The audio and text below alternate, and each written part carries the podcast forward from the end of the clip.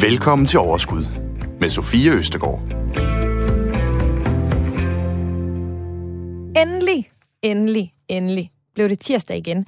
Og det betyder, at vi skal snakke hverdagsøkonomi, og vi skal snakke om investering på en måde, så vi alle sammen kan være med. Men inden vi gør det, så vil jeg simpelthen bare gerne starte med at sige tak. Jeg er, altså jeg er virkelig, jeg er så glad for alle de beskeder, I sender øh, til mig, øh, både på vores Facebook-gruppe Overskud Radio 4, hvor I alle sammen er velkommen, men også på min private Facebook, på min Insta. Øh, folk kan møde ude i virkeligheden. Jeg føler virkelig, at vores mission med det her program, det er øh, totalt lykkedes. Øhm, jeg får altså dagligt henvendelser fra folk, som fortæller, at programmet rent faktisk har gjort en forskel. Og prøv at høre, vi er over 7.000, altså over 7.100 ovenikøbet også. Jeg var lige inde og tjekke øhm, medlemmer i vores lille Facebook-gruppe, og I er så sindssygt gode til at komme råd og idéer, som vi alle sammen kan bruge. Så øhm, kæmpe tak for jeres øh, feedback, og jeg er simpelthen så glad for, at I alle sammen lytter med, men allermest, at I rent faktisk kan bruge programmet til noget. I dag, der skal vi tale om vores fejl. Ja, vores fejl, vores allesammens fejl, for vi laver fejl alle sammen, og jeg selv er absolut øh, i front. Og prøv her, det er så virkelig godt at lære af sin egen fejl. Men prøv her, det er jo endnu bedre, hvis vi kan lære af andres fejl. Og det er præcis det, vi skal i dag. Vi er måske ofte bedst til at fortælle om vores succeser og vores gode investeringer, men i dag, der skal vi simpelthen råbe så højt, vi overhovedet kan med vores fejl. Og jeg håber, at vi alle når programmet er det er slut, har lært en masse, så vi kan undgå en masse dumme fejl i fremtiden. Men jeg skal jo selvfølgelig lige pointere, at vi holder, altså os, øh, vi holder os øh, inden for fejl, som jo selvfølgelig har med økonomi og investeringer at gøre. De andre fejl, dem må I simpelthen tage på et andet tidspunkt. Velkommen til Overskud. Du lytter til Radio 4. Det gør du. Og med på telefonen i dag, der har jeg øh, et par øh, kloge damer, synes jeg. Janne Toft Hansen og Lykke Holm Hansen, velkommen til jer. Tak. Tak skal du have. Er I glade? Ja, ja, bestemt. Ja. at være med. det er, Det er godt. at være med igen. Ja. Det er jeg glad for. Jeg er meget glad for, at øh, I vil være med i dag, og måske også komme lidt ind på nogle af de fejl, som I øh, har øh, begået. Øh, Janne, hvor er du henne af? Jeg sidder i København på Østerbro. Så du er derhjemme måske? Jeg er simpelthen derhjemme. Mm. Jeg kan fortælle jer alle sammen, at øh, Janne hun er 48 år gammel, bor i København og har investeret i aktier i cirka 3,5 år. Øh, Janne hun investerer både i enkeltaktier og fonde, ETF'er med stor fokus på bæredygtighed. Og hun går ikke sådan super meget op i regnskaber, men har en strategi om at købe et lille frimærke på f.eks. 1000 kroner i en enkelt aktie, for at afprøve, om det er den rigtige investering, for så derefter at købe mere. Janne, kan du kende dig selv i den beskrivelse? Ja, det kan jeg sagtens. Det, er- det, det svarer virkelig godt til den måde, jeg har handlet aktier på de, de sidste ja, snart 3,5 år. Det er jeg glad for. Lykke, så forsøger jeg med dig. Ja. Lykke Holm Hansen, hun er 33 år, bor på Djursland sammen med sin mand. Lykke, hun arbejder fuldtid i øh, forsikringsbranchen og startede sit investeringseventyr for et lille år siden. Lykke havde faktisk ret svært ved at komme i gang, og øhm, det føles lidt usikkert og ikke sådan super trygt. Og hun går ret meget op i regnskaberne, når hun skal købe en aktie. Fordi så derefter, så kan hun sådan trygt, så kan hun lade den ligge i sin langsigtede portefølje.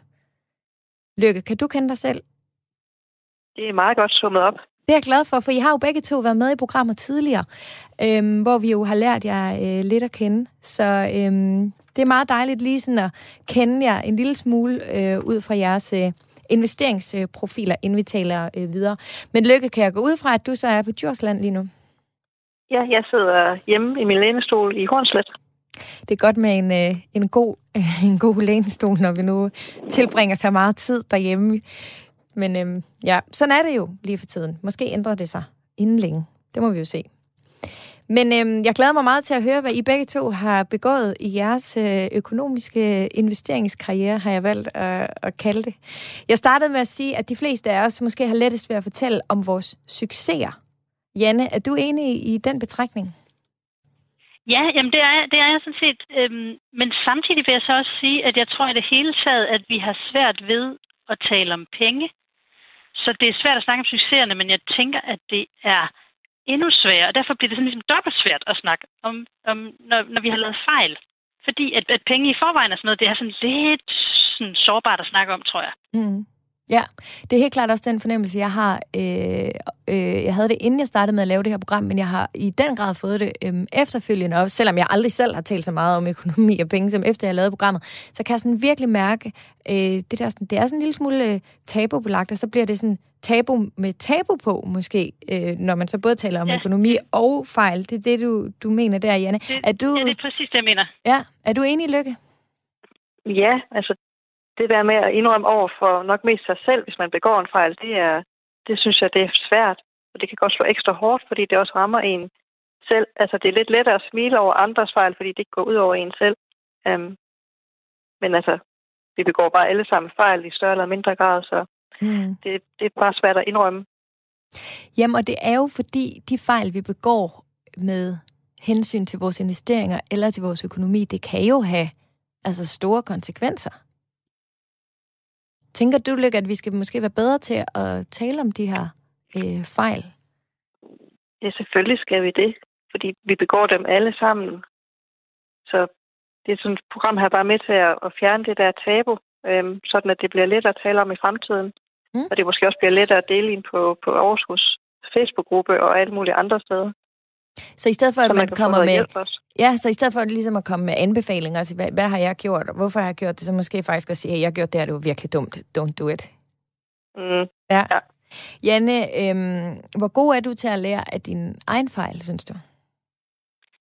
Øh, jeg, jeg tror, jeg vil sige, det sådan er lidt både og, ikke? Fordi altså, det, der får en til at gøre, lave fejl, er jo i hvert fald for mit vedkommende nogle gange, det der med, at man bliver grebet af noget, ikke? Øhm, og så selvom at erfaringen kommer ind og siger, okay, det der det var måske ikke så smart, så kan man godt blive grebet en anden gang igen. Og så skal der sådan virkelig meget til, før, at rationaliteten den ligesom rammer over på det psykologiske indeks, den der begejstring, man ellers skal føle ved lige at lave noget hurtigt, ikke? Ja. Så, så, men, men jo, generelt bliver det helt klart klogere. Gudskelov, ja, tænker jeg. Ja, gudskelov. Og, og det, altså, det der jo faktisk også er med det her program, det er, at vi skal selvfølgelig lære vores egen fejl, men jeg synes også, der er noget fantastisk ved at lære af andres fejl, fordi måske kan vi jo så rent faktisk slippe for os selv, altså at begå de fejl. Øhm, og Janne, øhm, tænker du ikke også, at det vil være dobbelt op på, øh, på, på, på positivitet, hvis vi netop kan lære af hinandens fejl og rent faktisk undgå jo, at lave dem os jo. selv? 100 procent. Altså også, også fordi, at de fejl, andre laver, er ikke nødvendigvis noget, man selv har overvejet, så det kan sagtens forhindre en i Altså, fordi altså, det lægger sådan ligesom et ekstra lag af, at man får overvejet noget øh, ned, at man hører om, at der er nogle andre, der har gjort noget. Ikke? Altså, ja. jeg synes, det er fantastisk, hvis vi kan få det mere ud i det, i det ja. åbne. Og rent faktisk, så har jeg faktisk... Jeg, altså, jeg skal være helt ærlig at sige, at øh, da jeg ligesom tog hul på vores Facebook-gruppe, øh, og ligesom skrev, mm, er der nogle fejl? Ligesom, jeg, jeg var faktisk lidt i tvivl, om jeg overhovedet ville få indhold til sådan at lave et program som det her. Fordi jeg tænkte, det kan godt være, at tabu med tabu på, at det ligesom ikke er noget, folk har lyst til at dele ud af. Men jeg skal love for, at jeg tog fejl. Altså, det er virkelig som at åbne Pandoras æske, der bare er sprøjtet ud med, med, med, med, med fejl, som vi altså skal igennem i det her program. Og derfor synes jeg rent faktisk også, at vi bare skal dykke ned i alle de fantastiske og dumme, tåbelige fejl, som vi alle sammen skal undgå fremover. Det synes jeg, vi skal gøre nu. Du lytter til Radio 4. Det gør du, og det her det er programmet Overskud. Jeg har besøg øh, af øh, nogen, som heller ikke er blege for at indrømme, at øh, de har begået fejl, øh, når det kommer til deres øh, økonomi og investeringer. Øh, Janne og Lykke, det er jer to. Og Janne, jeg synes, vi skal starte hos dig.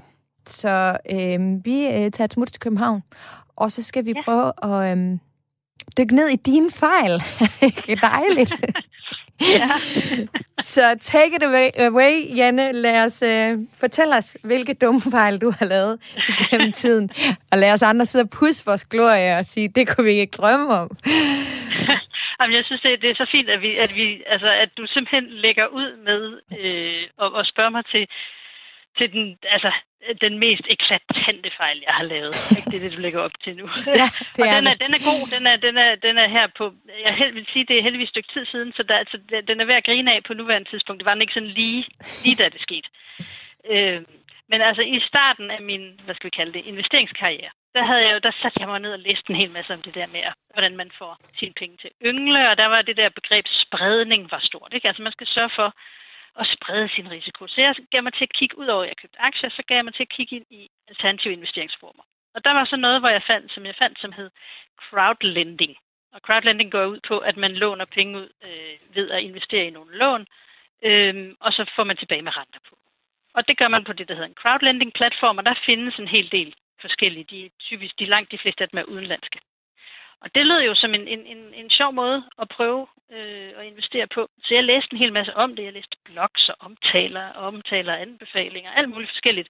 Og satte mig meget ind i, fordi jeg var godt klar, at det her det var sådan en mere risiko øh, betonet investering. En aktie var som i forvejen er forholdsvis risikobetonet. Så jeg satte mig sådan ind i, hvordan jeg kunne sikre mig bedst muligt med kun at låne 10 euro ud per lån, man sådan ligesom investerer i. Fordi så kunne man jo ligesom kun tabe de 10 euro. Og sådan øh, hvis, hvis der var et lån, der ikke blev betalt tilbage. Det virker da som om, at ja, mig, så stod det virkelig sat ind i det. Jeg satte mig ja. rigtig grundigt ind i det, og så investerede jeg 250 euro øh, på hver af fire forskellige crowdlending-platforme, som jeg havde fået anbefalet via nogle af de blogs, jeg havde læst. Og en af dem hed Investio, og det gik faktisk rigtig godt i rigtig lang tid. Og jeg fulgte med øh, i, jeg tror, næsten to år. Og det gik jo skide godt. Jeg kunne se beløbet derinde bare stå og vokse. Så jeg tænkte, at det kylder jeg lidt flere penge i. Så jeg endte nok med at hælde 150 euro ekstra ind i, i, i Investio der.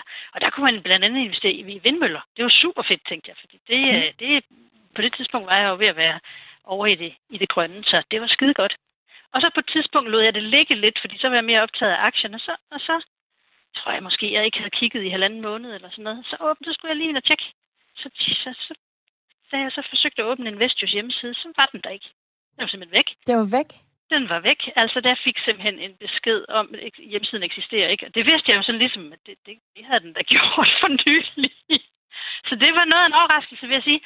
Øhm, og jeg tænkte, det må være en fejl. Den er nede, men den var bare væk. Og så gav jeg mig til at google. Øh, og så kunne jeg jo se, at internettet det væltede over af måske tre uger gamle kommentarer om, hvor folks penge var blevet af. Nej. Øhm, det var simpelthen svindel, svindelnummer. Dem, der stod bag den platform, de, de, havde, de var løbet med pengene. Altså, det er simpelthen. Hvor, ma- og hvor mange penge var din uh, investering oppe i på det tidspunkt? Den var nok oppe i på cirka 400 euro, havde jeg puttet ind i det. Så det var, det var da alligevel en klat penge, ikke? Det var heldigvis ikke sådan noget, hvor at, at jeg ikke bare kunne afskrive det som, at det var risikovillig kapital, men, men alligevel, det var godt nok det, det var noget af en overraskelse. Hvad gør, hvad gør man så? Altså, er der ikke, øh, altså, er der ikke kommet nogen efter dem, om man får noget erstatning, eller jo. hvad? Altså... Problemet var så, at der er, selvfølgelig, der er selvfølgelig nogen, der har tabt virkelig, virkelig mange penge på det her, og der var blevet startet et søgsmål. Øh, men det kostede mere at være med i det søgsmål, end jeg havde investeret. Ja, okay. Det var ligesom ikke rigtig noget ved for mig. Så de penge er simpelthen væk. Og det, jeg ikke havde overvejet i al min research og sådan noget, det var jo selvfølgelig, at selve platformen kunne ryge. Jeg havde kun tænkt på lånene. Og hvordan sikrer man så. sig det? Altså? Jamen, det er jo så det. Kan man det? Det ved jeg faktisk ikke rigtigt. Så, så hvis, hvis du spørger mig, hvad har du lært af det? Jamen ja. altså, jeg tror måske, at det, det jeg mest har lært, det er, at, at, at risikable investeringer vidderligt er risikable. Altså, simpelthen, og, det, og så taber man på dem en gang imellem, Ej. altså, hvis man vil derud. Ikke? Og på her, nogle gange er det jo virkelig rart, øh, Janne, at vide, at man ikke er den eneste. Og du siger selv, der var andre, der ja. har investeret mere end dig, men jeg kan i hvert fald fortælle dig, at øh, Stefan Fynbo Madsen, han har skrevet på vores Facebook, at han selv havde investeret 20.000 kroner igennem den samme øh, platform Investio, og øh, han mistede dem altså også. Så ja. Øh, er det ikke trods alt rart at vide, at... Øh... Jo, jo, altså det, jeg var da bare så glad for, at jeg ikke havde fyldt flere penge i det, ikke også? Altså det havde jo... Puh, det er rigtig træt. Ej, det lyder også helt vanvittigt. Lykke, hvad tænker du om det? Jamen, jeg er jo kun til aktier og indeksfonde, så jeg er slet ikke til crowdlending eller guld eller kunst eller noget som helst. Så jeg, altså, dem har jeg ikke rigtig noget at byde ind på, fordi jeg, jeg rører ikke det der med en ildfang. Men er det fordi, du netop føler, at det er sådan et utrygt øh, univers, hvor du ikke øh, helt ved nok om det, eller hvad? Ja, altså, det, det er rigtigt. Det er, ikke, øh, det er ikke noget, jeg ved noget om, og det er heller ikke noget, jeg sådan føler, at jeg skal begynde at grave en hel masse i for at lære noget om, fordi at, at en del af min strategi, den, det hedder altså aktier og indeksfonde, og så lader jeg ligesom det, jeg ikke interesserer mig for, det lader jeg ligesom ligge. Ja. Så bruger jeg ikke energi på det. Men øh, Janne, det der, det kunne lige så vel have været mig. Det vil jeg bare lige øh, sige til dig Ja, det er og Stefan. dejligt at høre. Ja, det kunne det. Og øh, jeg vil så også sige, at jeg faktisk lige nu sidder, vi sidder og arbejder på et program om crowdlending, øh, som vi sender om et par uger. Øh, så øh, det kan være, at du lige skal lytte med der. Øh, og der tænker jeg Det jeg faktisk gøre. også lige at tage den her historie med øhm, til vores ekspert, og så lige høre, altså, hvad foregår der, og hvordan kan sådan noget ske, og allervigtigst, hvordan sikrer man sig, at det ikke er sådan et scam, man øh, investerer øh, ind i. Så det øh, Det lyder godt. er ikke. Jo. Men øhm, Janne, du har jo flere, flere dejlige fejl. Okay, ja. Øhm, Fyr den af. ja, men hvad siger du? Jeg siger, fyr den af. ja, ja. Jamen, øh, som, som du sagde til at begynde med, så investerer jeg hovedsageligt bæredygtigt, eller stort set efterhånden udelukkende bæredygtigt. Øh, og øh, det jeg gør, det er, at jeg køber normalt lidt af gangen, en gang imellem. Øh, og det har jeg så gjort. Altså, det bæredygtige har jeg nok gjort i tre år. Øh, og så her, i den anden halvdel af 2020 og start af 2021, der er de grønne aktier jo simpelthen bare steget sådan helt vildt. Og til trods for, at min strategi var ligesom at opkøbe løbende, så blev jeg alligevel bange for ikke at komme ind. Altså, for de blev for dyre, så jeg ligesom ikke kunne, kunne, kunne få noget gevinst på dem. Så, så, og så havde jeg lidt ekstra penge stående, så, så jeg gik simpelthen væk fra min strategi og supplerede op og købte mig ind øh, i, i nogle af de aktier, jeg havde i forvejen, efter de var steget et godt stykke tid. Øh, og så satte bang.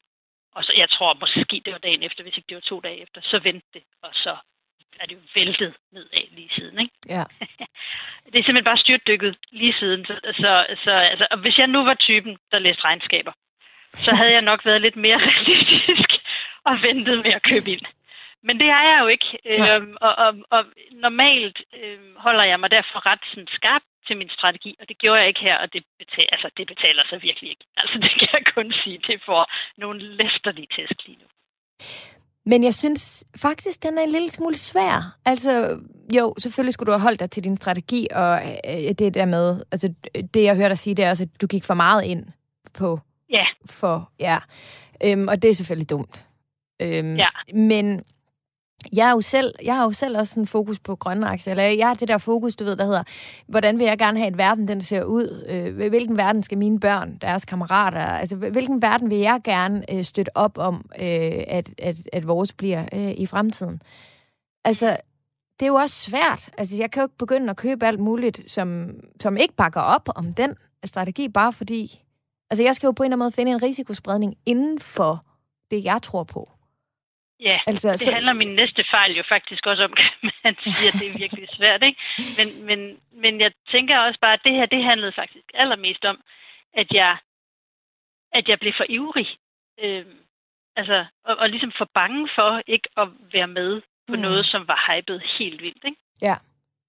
Så du skulle have haft mere øh, ro i maven og fulgt det Ja, jeg mere lyttede stille lidt mere til dem, der sagde, der nok, der nok var en boble, og det kunne godt tænkes, at de var blevet pumpet derop, hvor, de, hvor værdien slet ikke holdt mål med virkeligheden, ikke? Ja. Klart. Ja, og det, det er det, jeg mener med, hvis jeg nu læste regnskaber, så havde jeg nok også troet lidt mere på det, ikke? Men, Men du har stadig ingen de der- strategi om at begynde at læse regnskaber. Jeg tror simpelthen ikke, det er realistisk for mig. altså, jeg synes simpelthen, det er så frygteligt kedeligt. Jeg vil sige, under, undervejs i den her nedtur har jeg godt nok tænkt, det kan godt være, at jeg skal gøre det hårde arbejde, Ja. og så sætte mig ind i, Ja. det er. Øh, der er Men Lykke, der. du går mere op i regnskaber, end Janne hun gør. Vil du tro, at det her det var en fejl, du ikke ville komme til at lave? Øhm, altså, jeg, så jeg har jo også Vestas aktier, men det kan vi jo komme ind på lidt senere, hvordan jeg dummede mig med, med Mhm. mm. det. Øhm, men jeg har jo faktisk også på et tidspunkt investeret i Ørsted aktier, Ja. ja. øhm, og dem solgte jeg tilbage i december, øh, inden de så gik ned.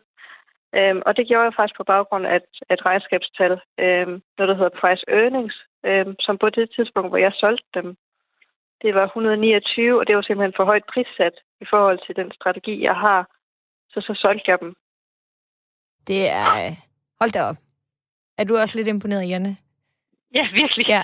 jeg synes, det er super sejt. ja, det er ret sejt, det der øh, lykke. Men øhm, ja, fordi du er jo stadigvæk langsigtet i din strategi. Har du så tænkt dig at købe ind i den igen, når den så nu Nej. øh, falder? Det- Nej.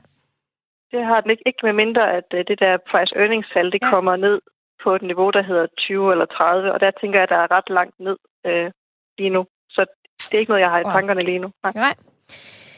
Janne, du har en sidste øh, lille fejl med til os.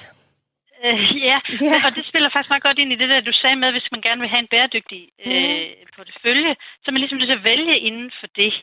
Øh, og, og der kan man ikke altid sprede helt så meget, som man måske gerne ville. Ikke? Mm. Øhm, og, og derfor ender man gerne, og det har jeg i hvert fald gjort med, at have en meget stor overvægt i den grønne energi. Øhm, altså inden for sådan forskellige, altså øh, brint og vind og sol og vand og alt sådan noget.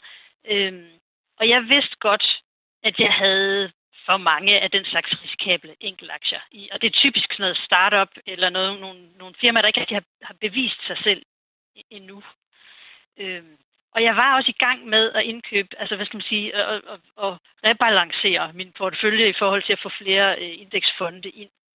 Øhm, men, men det andet er bare så meget sjovere, det med enkeltaktierne. Så lige nu, så får min portefølje jo simpelthen så mange tæsk, fordi Ja at jeg er for ensidigt inden for de, de bæredygtige øh, energiaktier, ikke? Ja. Øh, ja, så, så det, det øh, jeg, jeg kunne godt have gjort det anderledes og have bevaret mit bæredygtighedsfokus. Jeg var bare ikke helt nået dertil endnu, fordi jeg synes, det er så kedeligt at købe øh, indeksfonde. Jeg synes, det er utrolig meget sjovere at finde de der små firmaer, som kan noget nyt inden for at omstille verden til grøn energi. Ja. Så når du ser tilbage på det, så, så ville du egentlig måske have gjort det samme, og det var dumt. Altså, Ja, altså, nej, hvis, hvis jeg ser tilbage på det, så ville jeg have, have sat rationaliteten lidt højere øh, og fået øh, de seneste køb, jeg har lavet, dem ville jeg simpelthen have lavet i indeksfonde i stedet for Ja. nogle af de der enkelte aktier. Ja. Øh, men risikoen er jo så nu, og nu er jeg jo virkelig fristet til at købe ind i flere af de grønne enkeltaktier. Fordi, øh, eller når vi forhåbentlig snart når bunden på det her fald, ikke? ja, jo, Og præcis. nu, der, der er det jo så, at man for alvor skal til at lære sin fejl. Det er jo det. Men jeg kan omvendt også se, at jeg har jo jeg har startet med de grønne aktier for tre år siden. Og der er de steget så meget på de tre år, at altså, der, noget, noget af det første, jeg har købt op, det er slet ikke, altså det, det har haft så stor en avance, så, så, det er ikke lige præcis. Lige Ja. ja. præcis. Så det er sådan lidt, det er også noget med tid og, og mængde og, og hvor længe. Og, Mm. mm. ja, Jeg tror altså også stadigvæk have, på altså, det på sigt, det ja. må jeg altså bare sige. ja, præcis.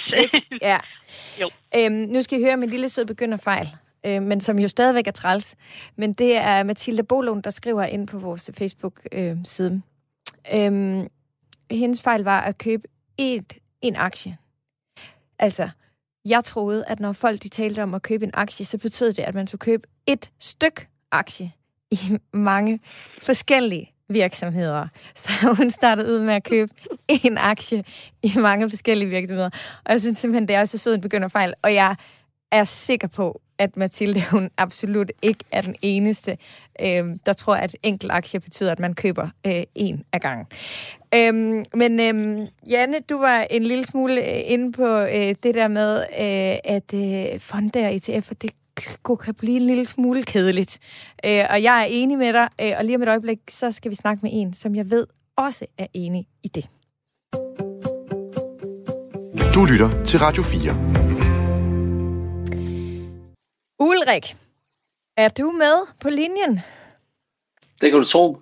Det kan jeg tro. Hvor er det øh, fantastisk. Øhm, Ulrik øh, Steffensen, øh, Ste- Steffensen, du øh, har også øh, Ulrik Dolrang Steffensen, for det ikke skal være løgn. Meget fint navn. Ja, ja. Øhm, Jo, tak. du har øh, også været så venlig, at du gerne ville dele dine, øh, dine fejl med os i dag. Men inden da, så vil jeg bare lige fortælle, at øh, Ulrik er 32 år gammel og barchef på et øh, hotel, og øh, har handlet med øh, aktier øh, i cirka et halvt års tid. Øh, du bruger ret lang tid på det, øh, og det er flest øh, enkelte aktier. Og så sagde du til mig, da vi talte sammen i program, og så har jeg selvfølgelig også den der månedsopsparing, men det er, jeg tror ikke, du brugte de ord, det er måske mig, øh, røvkedeligt. Det kan være, du sagde noget andet, øh, eller måske i hvert fald ikke ville have sagt det her i radioen, men det er det, du er enig med mig, Janne, om, at det er lidt kedeligt. Ikke? Jo, helt bestemt. Det Der må er- godt ske noget. Yes, øh, meget gerne meget, og meget gerne hurtigt, synes jeg. Ja. Øhm, ja, altså det er ikke fordi, jeg sidder og daytrader og sådan noget, når man snakker om, at jeg bruger meget tid på det. Jeg bruger meget tid på sådan at, at læse bøger og gøre mig selv klogere på det, fordi jeg er ret ny i det. Mm. Ja, så det er Det- jeg bruger mest af min tid på. Og lyt til programmet her også, ikke Ulrik? Ja, tak. Øh, jeg har en daglig gåtur øh, hver morgen, øh, og jeg må faktisk sige, at øh, jeg er øh, løbet tør for programmet nu, så nu venter jeg en gang i ugen. Ja. Ellers så går jeg faktisk at høre aktiepodcast og sådan noget. Øh, minimum en time om dagen, og så læser jeg bøger om det også. Øh, på daglig basis også. Og alligevel, ja. Ulrik, så er du også stødt ind i sådan lidt fejl på din øh, rejse. Og dem skal vi, ikke, skal vi ikke vade rundt i dem nu, så vi alle sammen kan blive klogere og ikke begå de samme fejl, som øh, du jo. har begået. Skal vi ikke gøre det? Lad os hoppe ud i det. Lad os, lad os gøre det.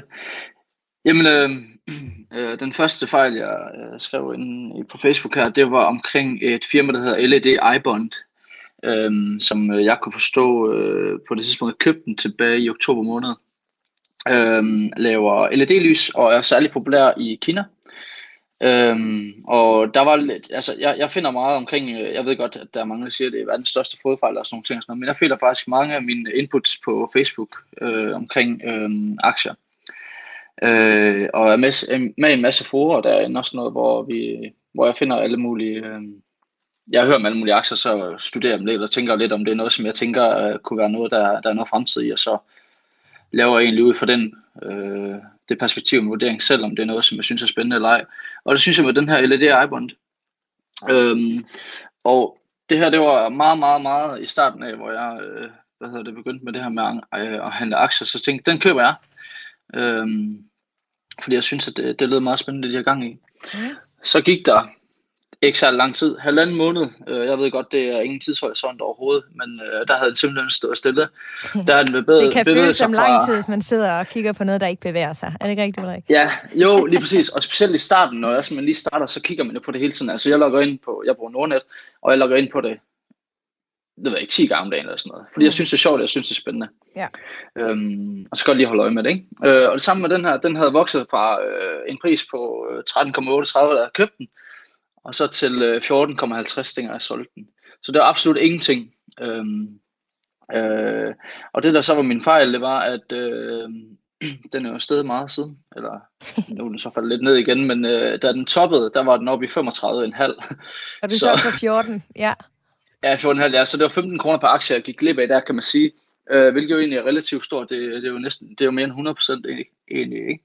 Øhm, og det var faktisk, fordi jeg ikke fik med, at de laver en eller anden, jeg ved ikke, om man skal kalde det for en strip, eller et eller andet, en eller anden dims, som man kan køre hen over tastatur, og så desinficerer den faktisk øh, tastaturet på en computer øh, med sprit. og og det, det havde jeg ikke lige fået med, så derfor så solgte jeg den, fordi jeg synes, det gik for langsomt. Og det skulle til at, altså det, det skulle de til at ud, altså lancere øh, efter, altså det var ja, ja, noget, de ligesom offentliggjorde efterfølgende. Ja, det var det. Øh, og det, det havde jeg ikke lige fået med, fordi at hvis det var noget, så kan man jo selvfølgelig godt øh, sige sig selv, at i de her tider, der er det nok noget, der bliver meget, meget populært. Øhm, så det var en kæmpe fejl for mig i hvert fald, at, at jeg solgte den. Men, men jeg har generelt et problem med, at jeg, jeg kan ikke rigtig finde ud af, hvornår skal jeg sælge en aktie. Altså jeg har flere aktier, hvor jeg har over på 100% afkast på, ja. og så falder de ned til øh, for eksempel et afkast på 45% har jeg en på lige nu, øh, netop fordi det som... Øh, der blev snakket om lige før med at alt grøn omstilling og sådan noget, at få et ordentligt godt noget nu her. Mm. Øhm, og det har jeg selvfølgelig også øh, tabt en del på, men jeg har bare fra starten af haft en beslutning om, at øh, jeg holder bare i, fordi jeg tror på, at det er noget, der bliver godt på sigt. Ja, øhm, altså vi har ja. jo øh, kloge hoveder her i programmet, der, der, der altid siger, at øh, når man ikke, altså hvis man ikke vil købe aktien for det, den koster i dag, så ja. øh, skal man ligesom øh, af med den, kan man sige. Men, men, øh, men ja. lige præcis det der med, hvornår man skal sælge, det er sindssygt svært, og, og det er jo vildt, vildt øhm, subjektivt i forhold til, hvad man har øh, øh selv af strategi. Og faktisk har ja. vi talt om at lave et program om det øh, i, øh, i nær fremtid, hvor vi ligesom får forskellige bud på det, fordi vi ved alle sammen, at en eller anden årsag godt, når vi skal købe, men det er virkelig svært at finde ud af, hvornår man skal sælge. Ja, lige præcis. Det, det har jeg også tænkt mange gange på, når jeg har gået på de her ture om morgenen, og sådan, så også tænkt lidt på, øh, hvornår, hvornår skal man sælge? Altså, hvornår, hvornår er det godt? Fordi at, at jeg er jo ikke tilfreds med en, øh, med en stigning på 100%, hvis jeg, hvis jeg regner med, at den kan blive 200%. Ja, præcis. Hvis jeg tror på det. Ja. Øh, og derfor så har jeg valgt i, i den her omgang, øh, det skal siges, at øh, den øh, 9. februar havde et afkast på 66,72%. og nu er jeg nede på et afkast på omkring 27, så jeg har mistet rigtig meget på en måned. Øhm, men jeg tror på, at det, som jeg er investeret i lige nu, er noget, der bliver rigtig, rigtig godt øh, på længere sigt. Og så Mm. ved jeg også, at der har været det her rentespøgelse og så videre, som man nu snakker om, som har gjort, at, øh, at det hele måske er faldet lidt ned. Plus det nok højst sandsynligt også har været høj prissats, men, men hvad ved jeg? Altså, jeg har kun været i det i et halvt års tid, ikke? Så Ja, præcis. jeg, jeg har, så meget forstand har jeg heller ikke på det, men, men det er det, som jeg, som jeg arbejder på på daglig basis, kan man sige. Med, Men hvis vi skal lære lidt af den her fejl, så skulle du have sat dig en lille smule mere ind i det, så du vidste, at lige om lidt, så kommer de faktisk med et genialt produkt, øhm, og have haft en lille smule mere tålmodighed. Er det der, vi er? Lige præcis. Ja. Jeg er, sp- jeg er specielt tålmodigheden, fordi at jeg kan jo ikke vide, hvornår de kommer ud med en nyhed om, at øh, de gerne vil lave produkter. Det synes jeg, det er ekstremt svært. Ja. Øhm, så ja, det var, det, var, det var en fejl, men øhm, jeg synes, det er svært i hvert fald, det her med at vurdere, hvornår man skal sælge, fordi at det kan godt være, at man er tilfreds med et stort afkast og sådan noget, men, men hvad nu, hvis man gerne lige vil have de sidste par procenter med, ikke? Hvad hvis det kunne blive endnu Ja. større? Ulrik, du har flere fejl med til os. Du har Ja. simpelthen kommet til at købe en forkert. Øh, En forkert aktie? Ja, Ja. for den der. Ja, men øh, det var... i- Jeg kan, ikke- huske, det var. Det var, det var dengang butikkerne stadigvæk ikke var åbne. Øh, det har nok været i november måned eller sådan noget. Der købte jeg en, øh, en aktie, som hed Konference eller sådan noget. Mm. Øh, fordi jeg troede, det faktisk var Pfizer. Øh, jeg gik og øh, gik på gågaden i Vejle sammen med, øh, med min mor, og så øh, tænker, den her, den er steget øh, 150% i dag, så den skal jeg lige have et hug i. Øhm, og så, øh, så købte jeg den hurtigere, så, så, fordi jeg faktisk troede, det var, det var Pfizer, altså der laver vacciner, coronavacciner. Øh, det var før øh, vaccinerne var udbredt og sådan noget. Jeg tror måske, det har været i det ved jeg ikke, november, starten af december eller sådan noget. Øhm, heldigvis købte jeg kun en lille bitte slat af det, men, men jeg, jeg tabte rimelig stort på det, fordi jeg fandt ud af, at det her konference, det var noget, det var et virksomhed, som lavede et, øh, som lavede et system til, øh, til konferencecentre. Øhm, og hvis der er noget, der er hårdt ramt, jamen, så er det hotel- og restaurationsbranchen, øh, specielt inden for det her med konferencer og sådan noget, fordi der stort set ikke er nogen konferencer. Men hvordan kan det Øhm. ske, at du... Altså, du, du, du, går, du går simpelthen ikke ind... Du tjekker bare, at den sted, det må være øh, vaccine, eller hvad? Altså, hvad fik dig til at tro, at det skulle være... Øh, det var fordi, at på det tidspunkt, der var Pfizer, det var sådan rimelig, øh, altså navnet var nyt for mig, og jeg så bare, at der var FZ i, og så tænkte jeg, "Jamen, det må være den. det var totalt dumt. Heldigvis smed ikke så meget, altså vi, det var ikke særlig mange penge, jeg, jeg smed. Øh, og, og det var hurtigt øh, midt på gågaden, inde i, inde, inde i Vejle. Øh, og så, det var sådan lidt en blanding af sådan fat finger ting også. Altså, Og så steg den jo mega hurtigt. Øh, så i løbet af to minutter, jeg tror, jeg lavede 20 procent eller sådan noget, og så da jeg kom hjem, der var den så faldet øh, til minus, jeg ved ikke, 10 eller Ah. 20 eller sådan noget. Og, Og så, så holdt gik jeg det op bare lidt, for dig, fordi at tænkte, det ikke var øh, vacciner, du havde købt. Ja, fordi jeg kom til at studere lidt mere i den, dengang jeg kom hjem, og så fandt jeg ud af, at det var nok, nok ikke lige det samme navn. Altså, Så- det her, Ulrik, det er altså en af de, øhm, det, det er altså en af de øh, rigtig dumme fejl. ja, det ved jeg godt. Jeg har heller ikke lavet den siden, så Nej. jeg har, jeg har lært af det. Men det er jo Øh, derfor, altså, at man jo faktisk siger, at de bedste investorer, det er dem, der laver de der fejl til at starte med, eller også hvor markedet det går nedad, fordi man, man lærer jo af det. Altså, så du har jo alligevel gjort noget rigtigt. Ikke at investere for meget, før du ligesom fik, fik styr på det, for det er jo den bedste måde at lære på, det er at, at, begive sig i kast og simpelthen prøve, afprøve tingene og finde ud af, hvad ens styrke er. Og din styrke er ja. Måske ikke at købe aktier, mens du går på gågaden med din mor. Nej, lige præcis. Øh, jeg bliver også hurtigt ramt af det her FOMO. Øhm, Ja. øh, og, og derfor så har jeg egentlig valgt, at øh, hvis der er noget, som jeg er lidt usikker på, så smider jeg lidt penge i det. Øh, og i, i mit tilfælde, der er det øh, 2.000 kroner eller under. Ja. Så er jeg ligeglad med kortage og sådan ting. Sådan. Det er ikke sådan noget, jeg går så meget op i, fordi jeg tror på, at på sigt, så bliver det, øh, så er det irrelevant, de 29 kroner, jeg har betalt i kortage.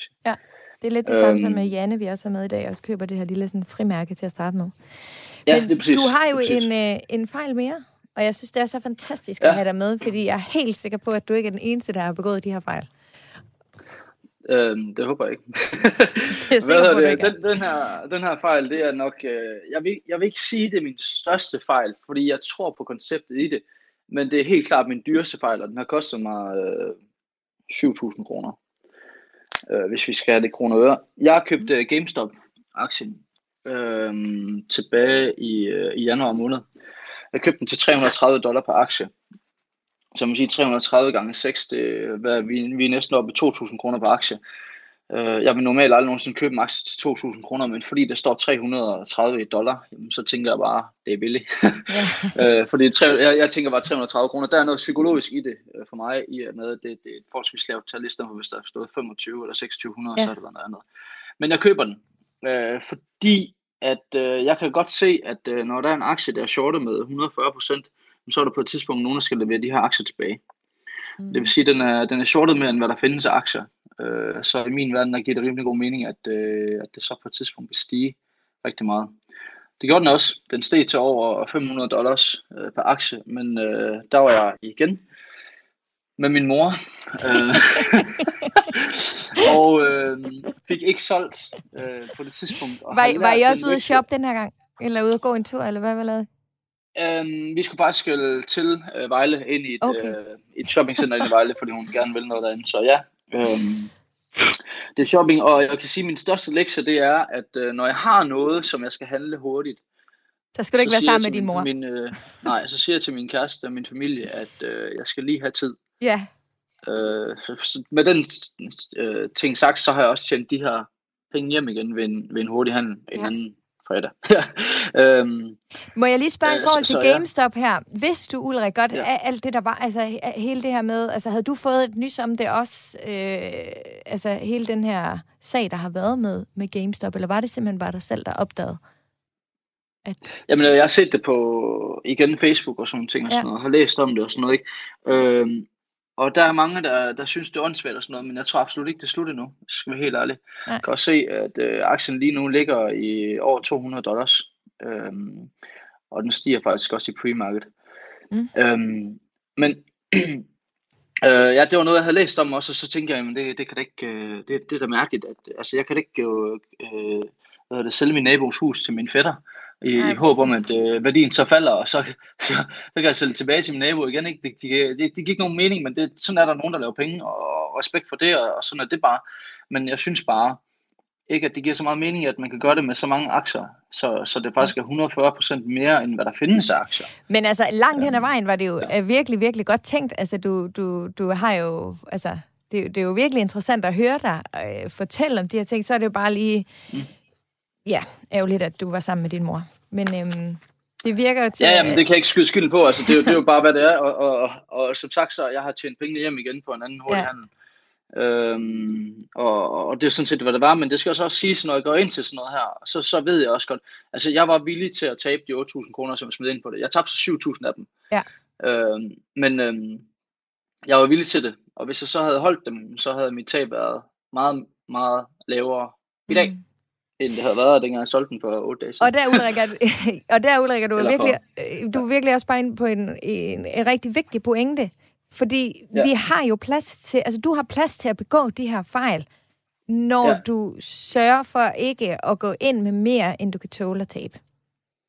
Altså, ja, lige præcis. Og så er det lige jo præcis. lidt en legeplads, hvor man så, så afprøver du nogle forskellige ting. Og du er jo ligesom ja. mig. Altså, jeg, jeg synes også, det er spændende. Altså, for mig er der en lille smule casino-vibes øh, over alt det her, og det skal det også være okay, hvis vi selvfølgelig ja. altid bare sikrer os, at det, vi ikke må gå for hus og hjem, og at vi har råd til aftensmad til dem, vi så end skal øh, forsørge. Ja, øhm, lige præcis. Ja, men Ulrik, øh, mega tak for, at øh, du vil øh, dele øh, din, øh, din fejl i dag. Jeg er helt sikker på, at øh, der er nogen, der kan undgå øh, at begå de samme, og jeg er helt sikker på, at der sidder nogen, der har lavet de samme, som også bare sidder og ryster på hovedet og tænker, godt, det gør vi ikke igen. Så tusind tak skal ja. du have. det var så lidt. Kan du have det godt? Jo, tak i lige måde. Tusind tak. Hej, hej. Tak fordi jeg var med. Selvfølgelig. Hej, hej. Du lytter til Radio 4. Ja, Janne og Lykke.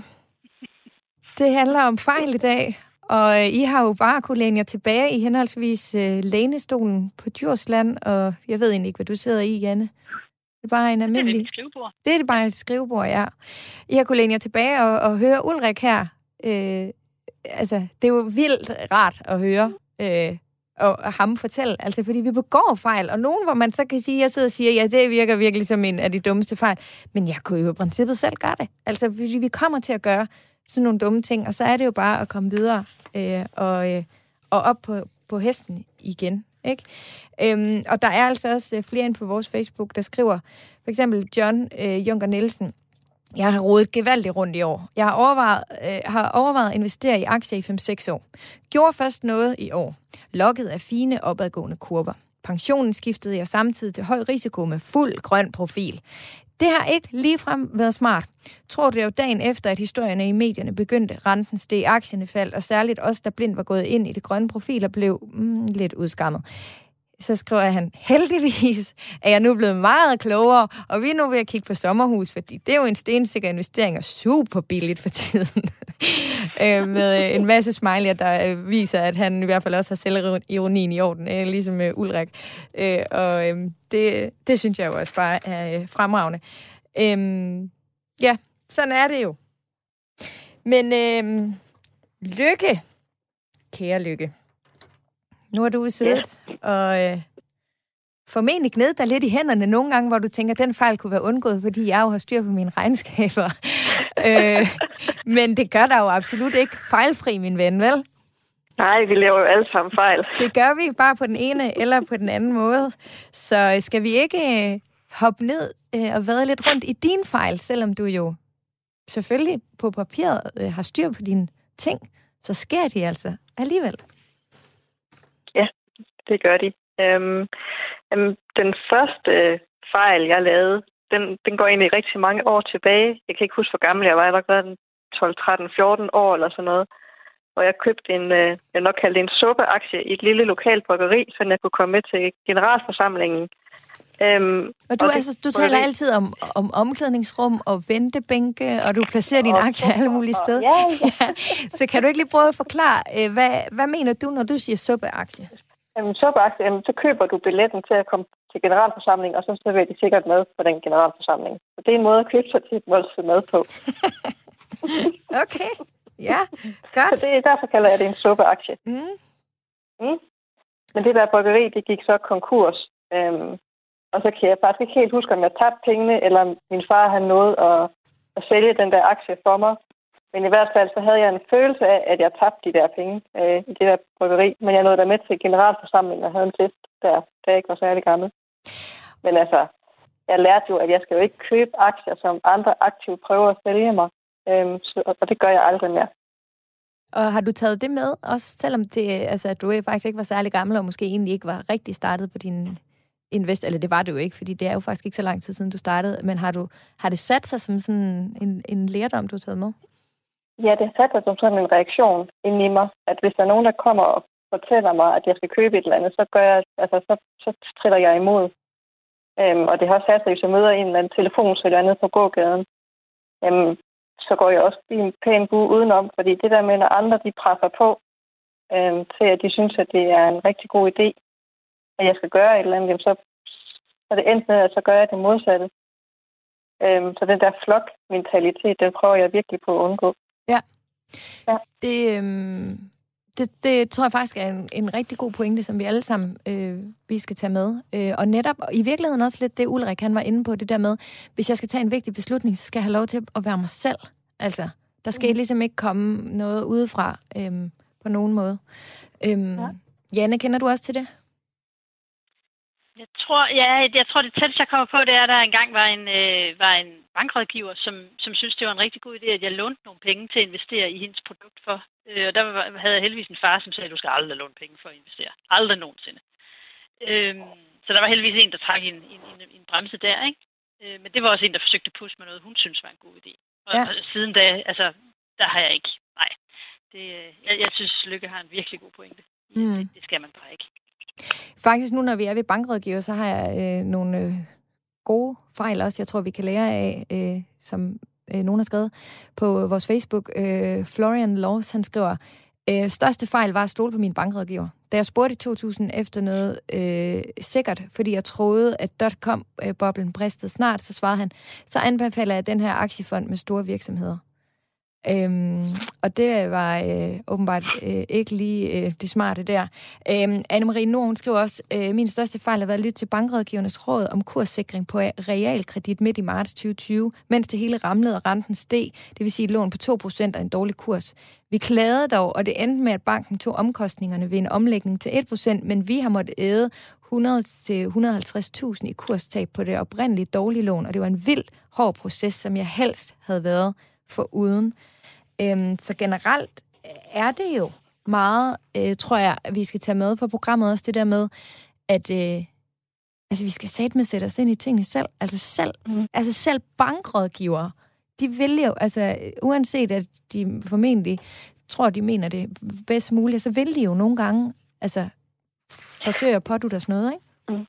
Altså bankrådgiveren skal man jo ikke glemme, er jo ansat i en bank, så bankrådgiveren er jo i nogen henseender lige så meget en sælger som forsikringssælgeren, eller telefonsælgeren, eller altså alle mulige andre ja. sælgere. Øhm, Ja, eller ja. dem, der måske også skriver ind i fora på, på Facebook og lader som om, at de sådan er helt private. Et eller andet med måske har deres egen dag, øh, dagsorden, som de gerne vil sætte i forhold til nogle kurser, der skal op eller ned. Altså, og det er bare vildt vigtigt, at vi alle sammen øh, husker, husker på det. Men øh, Lykke, mm. ja. du har jo flere fejl. Ja, det har jeg. Øhm, jamen, en del af min strategi er, at de enkelte aktier, jeg har, de må maks følge, fylde 10 procent i min portefølje. Øhm, men jeg blev mig rive lidt med af den der optur i efteråret, der var på Vestas.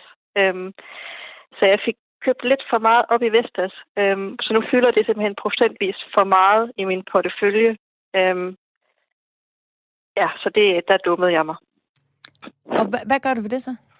Jamen, jamen, jeg har besluttet mig for, uanset hvordan Vestas udvikler sig i fremtiden, om det går op eller ned, så køber jeg bare ikke mere op i Vestas, indtil min portefølje den ligesom er i balance igen. Så du har faktisk tænkt dig lidt at fortsætte med at afvige lidt fra din strategi, fordi så nu har du faktisk en enkelt aktie, der er mere end 10 procent i din portefølje. Ja, men jeg skal bare have den til at fylde de der 10 procent mm. igen. Så så køber jeg op i mine fonde og de andre enkeltaktier, jeg har, sådan at Vestas kommer ned og skal fylde det, jeg har besluttet mig for. Men altså, det var virkelig dumt at få købt. altså. ja. ja, altså, det, ja. Hvad vil du gerne have gjort anderledes? Bare lad være med at købe op. jeg vil have købt op i de der indeksfonde, jeg er så glad for. Ja. ja. De, de er lidt kedelige, vi andre mene. ja. Jamen, øh, prøv her, det er, øh, det er fuldstændig fremragende. Jeg er så vild med det her program. Jeg er så tosset med, at vi deler ud af alle de her fremragende fejl. Du lytter til Radio 4. Yes, det gør du. Og øh, tiden den løber, når man er i godt selskab. Jeg håber, at øh, alle jer, der lytter med, øh, får sådan... Øh, et lille frirum til måske også altså, at overveje jeres egen fejl. Altså, jeg har jo også øh, siddet op til det her program og overvejet, jamen, hvilke fejl jeg ligesom har begået, og det fremler jo med, med, med fejl. Altså, det gør det jo. Altså, det, det, er jo, det er jo det er jo ofte, at jeg i hvert fald gør et eller andet, hvor jeg tænker, hmm, det var måske lidt fjollet. Men jeg synes egentlig også, det gennemgående tema i dag, og jeg både høre på dig, Janne, og på dig, Lykke, og også på Ulrik, og på alle dem, der har skrevet til os på Facebook, det er det der med, jamen, at vi bliver jo også klogere af vores fejl, og så længe vi sørger for, at de ikke er, altså, er så store, at det altså, har katastrofale øh, følger øh, eller konsekvenser, jamen så er det jo måske egentlig okay, at vi fejler lidt en gang imellem. Hvad tænker du om det, Janne? Jamen, det tænker altså, man bliver heller ikke klogere, hvis man bare gør det øh, perfekt hver eneste gang. Altså, det, det, det er fuldstændig, det vil også være fuldstændig urealistisk, ikke? Men altså, jeg, jeg synes da helt klart, at, at potentialet for at lære er mega stort ved, at man, at man lader sig selv fejle også, og tager nogle risici en gang imellem.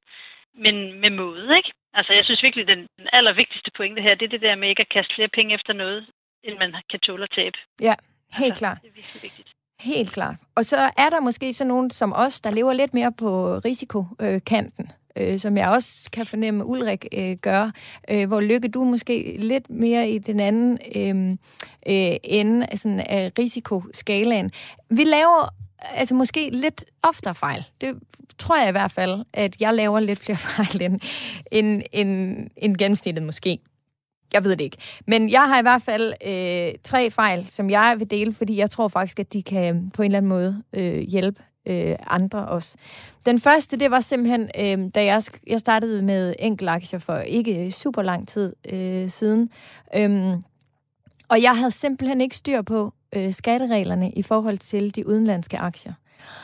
Øh, det var faktisk først, da jeg lavede et program om skat sammen med Helle Snedker, vores gode venner programmet, som er total skatteekspert, hvor det gik op for mig. Altså, jeg, blev, jeg kunne bare mærke sådan hele min krop under det der program, hvor hun sagde, jamen, når du har en udenlandsk platform, så bliver det jo ikke opgivet på samme måde, så det er virkelig et øh, stort arbejde, at du skal sørge for selv at opgive til skat og det ene og det andet. Og på det tidspunkt havde jeg bare, altså, kampsolgt øh, og købt aktier i en periode, altså hvor jeg jo nærmest havde siddet været daytrader øh, med, på den her udenlandske platform med øh, aktier fra alle mulige steder øh, i, i hele verden.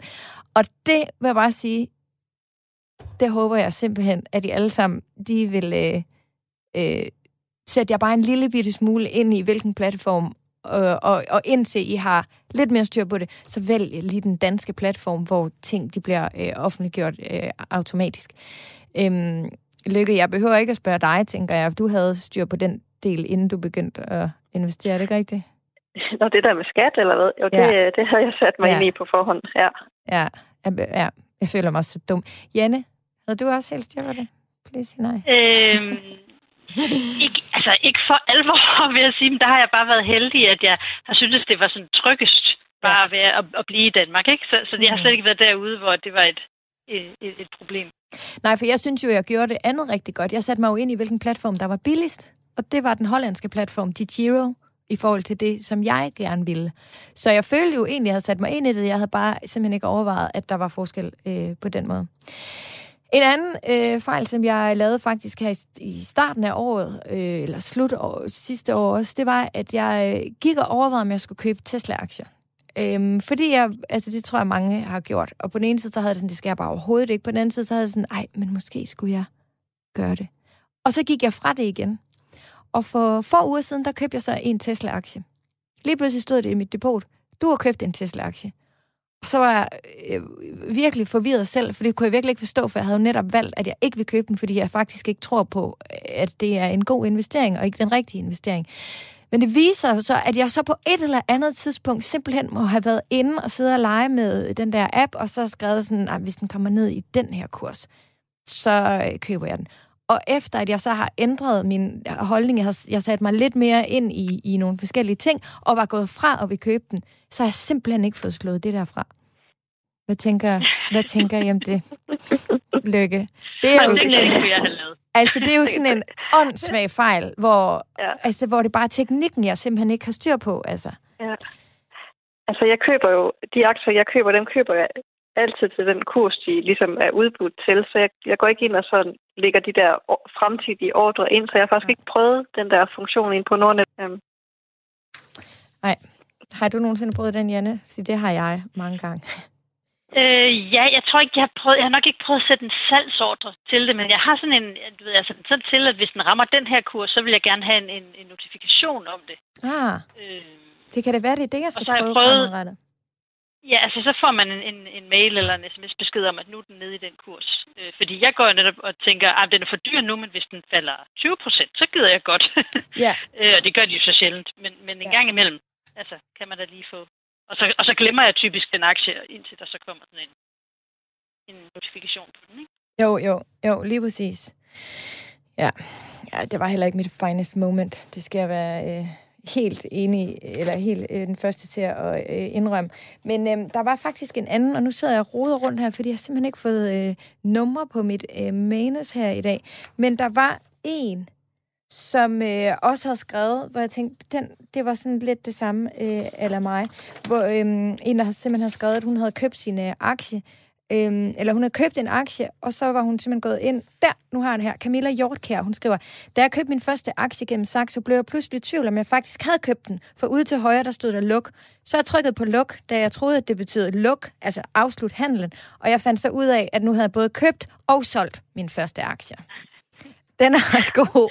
Og for den sød. ja, præcis. Ja. Og det er jo altså sådan nogle helt dumme fejl, som vi bare... Altså, altså, og når jeg siger dumme, så er det jo ikke, fordi de er dumme. Altså, fordi, som jeg lige har fortalt, jeg gør det selv. Men det er bare, hvor man bagefter tænker sådan, ej, okay, den var næsten øh, for dum. Men øh, sådan er det jo. Og det er bare den eneste måde, vi bliver bedre, det er at dele det med hinanden. Øh, og derfor så vil jeg altså også bare sige øh, til jer begge to, Janne og Lykke, tusind tak, fordi I øh, vil være med her i dag. Jeg tror, en god opsummering kunne være, at øh, vi simpelthen skal sætte os lidt ind i tingene. Ikke stole blind på nogen, heller ikke banken. Ha' lidt mere is i maven, og så øh, måske netop sørge for, at når vi skal tage vigtige beslutninger, at vi lige har sådan en helt clearet øh, hjerne uden for mange forstyrrelser. Tror I ikke, det er en meget god opsummering? Jo, bestemt. Jo, helt sikkert. Så øhm, til jer to, øh, Janne Toft Hansen og Lykke Holm Hansen, tusind tak, fordi I vil være med i dag igen. Jeg håber, I vil være med en anden gang. Du siger bare til. Jo, selv tak. Det er jeg glad for. Det er super hyggeligt. Dejligt, og selvfølgelig også tak til Ulrik Dølrang Steffensen, som var med på telefon, og til alle jer, der har skrevet ind. Og ved I hvad, Lykke og Janne, jeg har øh, en sidste fejl, som Rikke Borup, hun har skrevet til os på Facebook, og jeg synes, den opsummerer rigtig meget, og er verdens bedste råd til at hoppe videre ud. Øh, hun skriver, min største fejl var et, at handle aktier uden at have en strategi. To, at have en strategi, men ikke holde mig til den. Bum. Bum. Ja. Så tak for den, Rikke. Tak til jer alle sammen. Kan I have en fortsat dejlig dag, og så tales vi ved en anden gang. Tak i lige måde. Tak. I lige måde. Det her, det var jo programmet Overskud med mig, Sofie Østergaard. Det er tilrettelagt af mig selv og Maja Christine Grønbæk, afviklet af Maja, produceret for Body Body for Radio 4. Tak for i dag.